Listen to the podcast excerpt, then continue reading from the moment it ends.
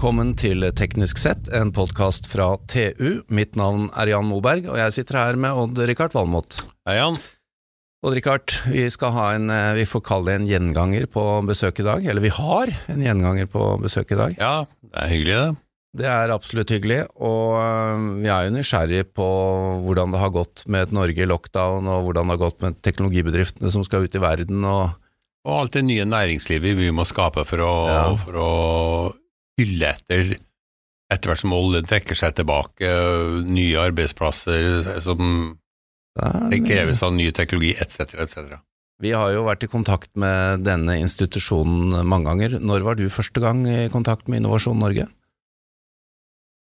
Ah, det er, lenge siden. Da het det noe annet, det. Det het noe annet, ja, og det var vel faktisk, tror jeg, i utlandet, med industriattachéer. Riktig, Ja. de var jo hot en periode. ja, ja. Jeg fikk en sånn jobb en gang, men jeg takka nei, husker jeg. Gjorde du det? Ja, jeg gjorde. Ja, Men det er lenge siden. Men eh, mange har sikkert skjønt det. Vi skal snakke med Innovasjon Norge og selveste administrerende direktør Håkon Haugli. Velkommen. Tusen takk. Det er lenge siden, det er halvannet år eller noe sånt. Altfor lenge siden. Ja. Dere må invitere oftere. Men veldig hyggelig å være her. Ja, og Håkon, før vi går videre, må skryte av deres egen podkast Innopodden, som du er med i, og dere kjører og har med gjester. Den er veldig god å høre på. Det må jeg bare si til lytterne, at hvis de vil ha litt avslapning fra min og Richards stemme, så kan de høre på Innopodden fra Innovasjon Norge. Men så hyggelig. Ja, vi tenker vi er komplementære tilbud. Ja, ja, veldig, veldig. Ja. Men som du hører, vi er opptatt av hvordan det har gått. Det har vært et Norge i lockdown, og dere i Innovasjon Norge fikk jo noe av oppgaven for å holde landet og satsingene i gang. Ja. Eh, hvordan har det gått med teknologi i Norge? Det er veldig sammensatt, det bildet. Um, på den ene siden så har vi sett en eh, kraftig økning i vår portefølje av alt som slutter på tech. Ja. Så Ja. um, helsetech, medtech åpenbart, uh, ja, altså you name it. Og det er, har nå ført til at i vår kundeportefølje så er IKT da bredt vår største sektor. Oi, er det Det- første gang? Ja, det er historisk, det har aldri vært sånn før.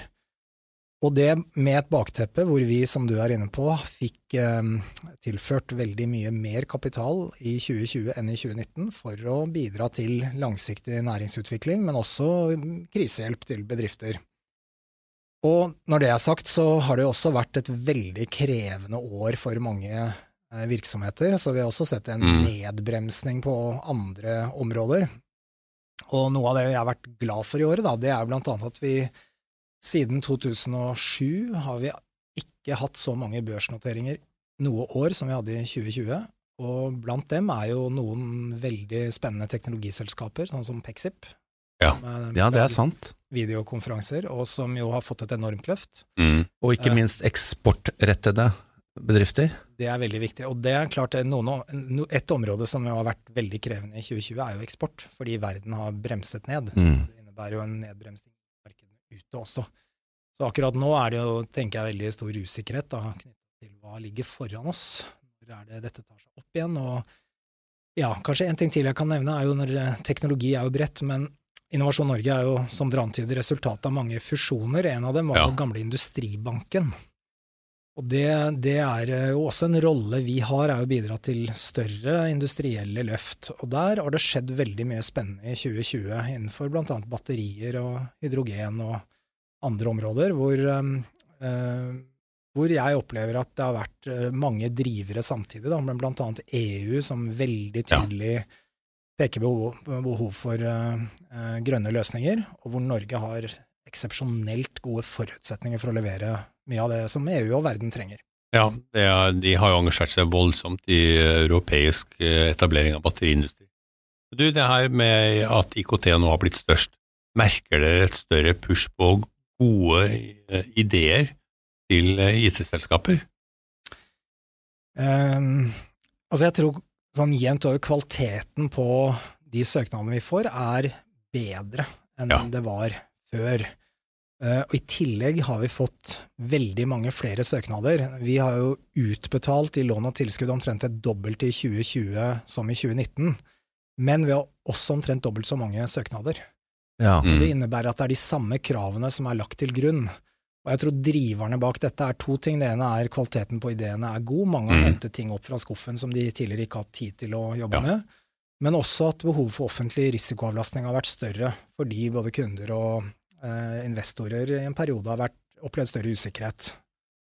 Men det er viktig, altså dere var ikke noe, kall det snillere på, med kravene fordi om det var pandemi. Dere fikk rett og slett enda flere søkere, selv om dere hadde mer penger. Det er riktig. Vi gjorde noen eh, tilpasninger, annet ga vi flere betalingsutsettelser. eh, Innledningsvis rundt mars-april, hvor Mm. mange strevde med å betale, men eh, hovedbildet er det, at vi ikke gjorde vesentlige endringer i våre vilkår. Men hva med uteapparatet, fordi når vi tenker på Innovasjon Norge, så er jo mye av det dere har å tilby, er jo et stort uteapparat. Mm. slik at når Odd Rikard og jeg skal starte TechTech og gjøre det stort, så vil vi gå til deg og si Håkon, du må hjelpe oss der og der og der, hvordan kan vi komme oss ut? Ja. Hvordan har dere opplevd eh, aktiviteten til uteapparatet? Det er veldig forskjellig. Noen markeder så uh, har, uh, har de mer å gjøre enn uh, på lenge, fordi bedriftene ikke selv kan være til stede og treffe kunder og samarbeidspartnere, så kan Innovasjon Norge gjøre en jobb Ja. for dem. Andre steder så bremses det veldig ned, og, og hvor utsiktene er usikre også fremover. Så det er et veldig sammensatt Jeg kan ikke gi ett svar på det, men jeg håper dere etablerer TechTech da, og kommer. Det er en veldig viktig del av det vi gjør. Ja. Den underholdningen vil du ha? Ja, den vil jeg ha. Det blir vel digitalt, det tenker jeg. det må bli et digitalt skalerende selskap. Ja. Men bare et, dette er et kjempepoeng dette dere tar opp, fordi det sammenhengen mellom det som skjer ute og det som skjer hjemme er utrolig viktig. Mm. Altså Skal vi lykkes med eksport, så må vi jo ha noe å tilby verden, Ja. tilby markedene.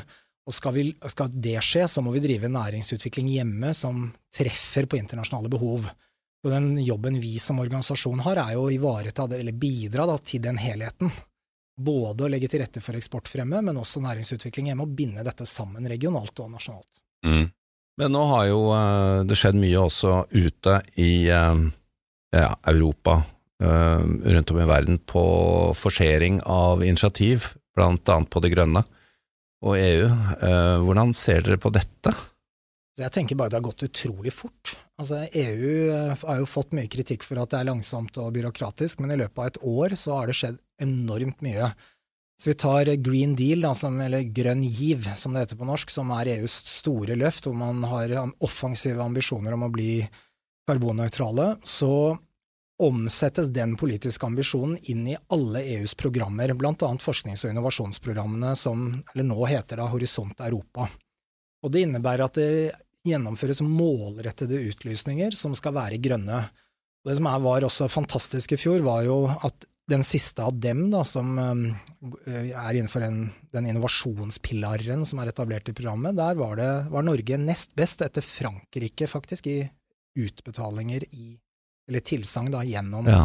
EIC, European Innovation Council. Altså snakker vi pro capita, eller? Nei, dette er faktisk i faktiske kroner. Det høres jo helt utrolig Ja, det er helt fantastisk, og det var det sju norske bedrifter som til sammen fikk en halv milliard da, for å akselerere sin grønne innovasjon. Det er spennende selskaper, sånn som Evoy, da, som driver ja, med båt, ja. elektriske båtmotorer. Ja. Ulike løsninger. Og dette er en bekreftelse på det Norge har av kompetanse og teknologi som vil bli etterspurt framover, og denne vridningen som du er inne på, Jan, med EU, da, hvor EU så tydelig omsetter da, politiske ambisjoner til programmer og initiativer. Den slår også ut i at landene selv, altså eh, medlemslandene, gjør store grønne investeringer nå. Og det skjer massivt. Altså, hydrogennasjonen Tyskland, Ja. havvind i Frankrike, Mm. Osv.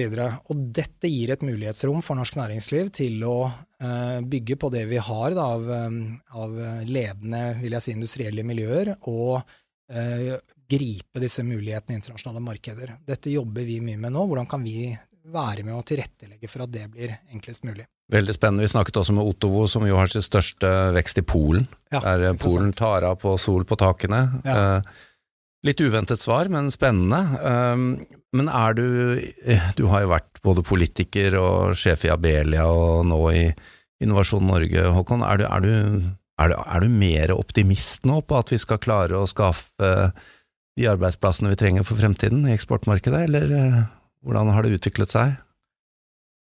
Altså, jeg er som bekymret optimist. Ja.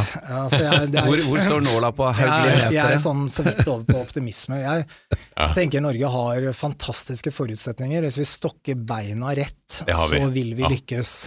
Men det er ingenting som eh, skjer av seg selv, og det er litt av utfordringen vår, er å få para beina og, og tatt de riktige initiativene og ha tilstrekkelig tydelige ambisjoner, og, og jeg tror også det som kulturelt erkjenne at vi, eh, vi konkurrerer i internasjonale markeder, det er tøft. Vi må være bevisste både den merkevaren vi er da, som Norge, som gir merverdi.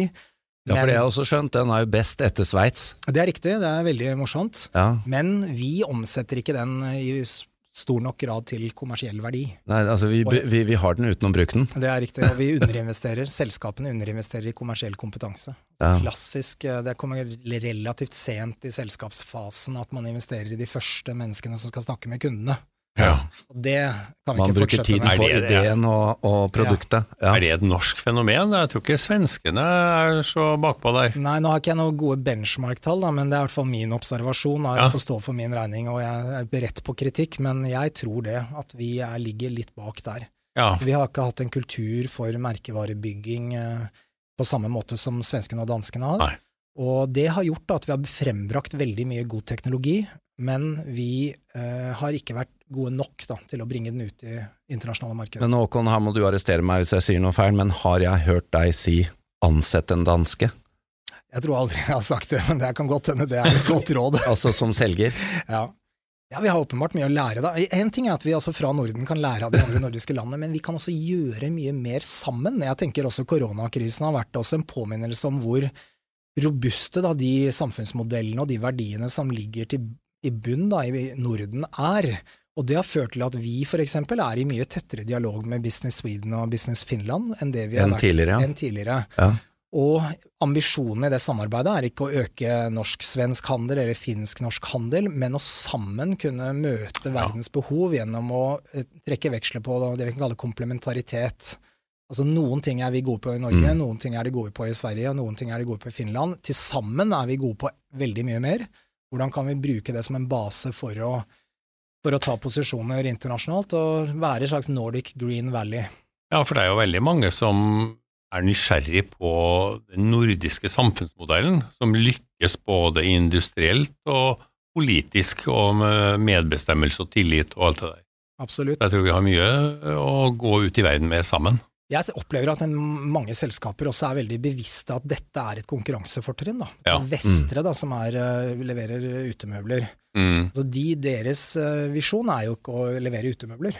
De bygger demokrati, og lager åpne plasser hvor folk møter hverandre. Og det bygger på den nordiske modellen. Det Ja. åpne samfunn, tillitsbasert, eh, allemannsretten. Som blant annet har levert til Times Square i New York, Nettopp. bare så vi skjønner hva vi snakker om. Interessant nok, ferdigvareindustrien er ved siden av sjømaten det området som vokser i eksportandeler i Norge. Kanskje Veldig interessant. Uanon burde ha satt seg ned i noen vestremøbler. Ja, men der er det en ledig plass i Norge, Odd Rikard. Du får få deg noe horn og kle deg på overkroppen og gå og danse litt. Uh, Det ender ikke godt. Nei, det gjør ikke det. Men Håkon, Uh, når, når det nå vokser så bra som det gjør på IKT-siden, og eh, også på grønne prosjekter, er det sånn at dere sitter i Innovasjon Norge og tenker å, der mangler vi noe, her er et hull å fylle, du skulle fått mer. Sitter dere og savner noe, eller er det mer sånn at dere er imponert over hvor mye som kommer? Jeg tror mest det siste, faktisk. Ja. Altså, vi er jo på en måte mer en katalysator enn en arkitekt av dette. bare Jo, men du kan jo ikke la være å ta den betraktningen. Ja, og, men kanskje nevne et område. da. Jeg har jo i mange år vært personlig frustrert, og det tror jeg næringsaktørene bredt har vært over, hvor langsomt det har, eller hvor lang tid det har tatt da, å ta i bruk helseteknologi. Ja. Det er helt åpenbart potensial for å gjøre dialogen mellom pasient og, og lege bedre, bedre sant, på en rekke områder. Så kommer korona. Og det det gjør, at det akselererer den utviklingen. Ja. Og det så vi i 2020, at veldig mange av bedrifter som har brukt lang tid da, på å komme i en reell eh, skaleringsposisjon, plutselig var det. Og hva er det å lære av det? Jo, selvfølgelig dette nød lærer naken kvinne å spinne, men jeg tror det er noe mer, da, og det er at vår evne til å få disse bitene av økosystemet til å finne hverandre, den, den er overførbar. Det som skjer der, offentlige innkjøpere har et behov, raske på det, vi som katalysator kan bidra til å koble opp mot leverandører, den metodikken er overførbar. Så framfor å være frustrert over det som ikke kommer, så kan vi ta konkrete initiativ. Det er veldig godt poeng. Vi andre sitter da og følger med på den store aksondebatten og er frustrert, men så skjer det masse rundt om ellers i skyggen. Og mye dypere og mer, eller sånn mye mer endrende enn bare eh, type ansiktsmasker og Ja. eh, visirer. Altså dette Nå Ja. tas de avstandsoppfølgingssystemene i bruk, for eksempel. Det er jo en sånn uh, Battle of the Nations ute og går også, uh, og jeg så noen kurver i uh, Economist sist hvor, hvordan de ulike landene investerer i forskning. Og det er vel Israel som ligger på topp nå. De begynner å nærme seg 5 av BNP. Det er jo helt fantastisk. Og de, er, de ligger langt foran USA. Og det er mange land som har stigning. I Norge så ligger vi vel ganske godt nede på den eh, statistikken. Burde vi putte mye mer penger i det her? Det har jo heldigvis vært en positiv utvikling i Norge også, um, og det 1 %-målet av offentlige midler Ja. er jo nådd. Um, og så er det litt Dette er jo drevet også av næringsstruktur. Altså våre er miljøer har ikke hatt um, Har ikke vært rigget for det. Jeg tror svaret er ja, åpenbart. Vi bør investere mer i det, og alle bør investere mer i det. Og, og det at næringslivet blir mer kunnskapsbasert, og det blir det, innebærer også at dette blir en veldig mye viktigere del av det å lykkes i internasjonal konkurranse. Mm. Ligge Og langt så- framme. Så må vi ta en tur til Tel Aviv og lære litt, Odd Rikard. Der tror jeg det er en del å hente. Veldig mye. altså Teknologiutvikling eh, og ikke minst investor og hvordan de investeringer, hvordan de tenker Mm. rundt det. Vi ser også til Israel og andre steder. altså Palo Alto har vi jo snakket om i mange år, eller Silicon Valley. Fortsatt mye å hente der. London Jeg er jo på flyttefot til Austin, har jeg skjønt. Ja, men det er liksom ikke enten-eller. da. Fortsatt er det jo tror jeg, sånn som 40% av alle ventureinvesteringer i USA gjøres i Silicon Valley. Og det er jo helt formidabelt. Det er ikke rart det tyter litt over. Um, Håkon, vi er nødt til å stille deg også følgende spørsmål, fordi dere har jo alltid vært veldig aktive på messer og delegasjoner og, og fysiske treff, og dere har kontorer og greier. Og hvordan har dette fungert? Hva er fremtiden? Kommer vi til å møtes igjen? Fremtiden er hybrid, tror jeg. Jeg tror ikke at vi kommer til å gå tilbake. Nei. Vi kommer til å gjøre veldig mye mer av det vi har gjort fysisk digitalt, men vi kommer ikke til å slutte å ha behov for å møte hverandre i fysiske settinger. Jeg tror håndtrykk og relasjoner fortsatt vil bety veldig mye framover, men vi kommer til å se, tror jeg, mye mer blanding, begge deler. Vi har nå gjort oss noen erfaringer gjennom dette året som er spennende. Bare gi dere ett eksempel. Vi i april skulle vi ha vår årlige store internasjonale reiselivsmesse. Den ble avlyst av naturlige grunner. Og da kastet eh, våre, våre reiselivsfolk seg rundt og lagde istedenfor en messe med 300-400 deltakere, så lagde, satte de opp 5000 én-til-én-møter mellom potensielle norske reiselivsleverandører bedrifter og potensielle kunder.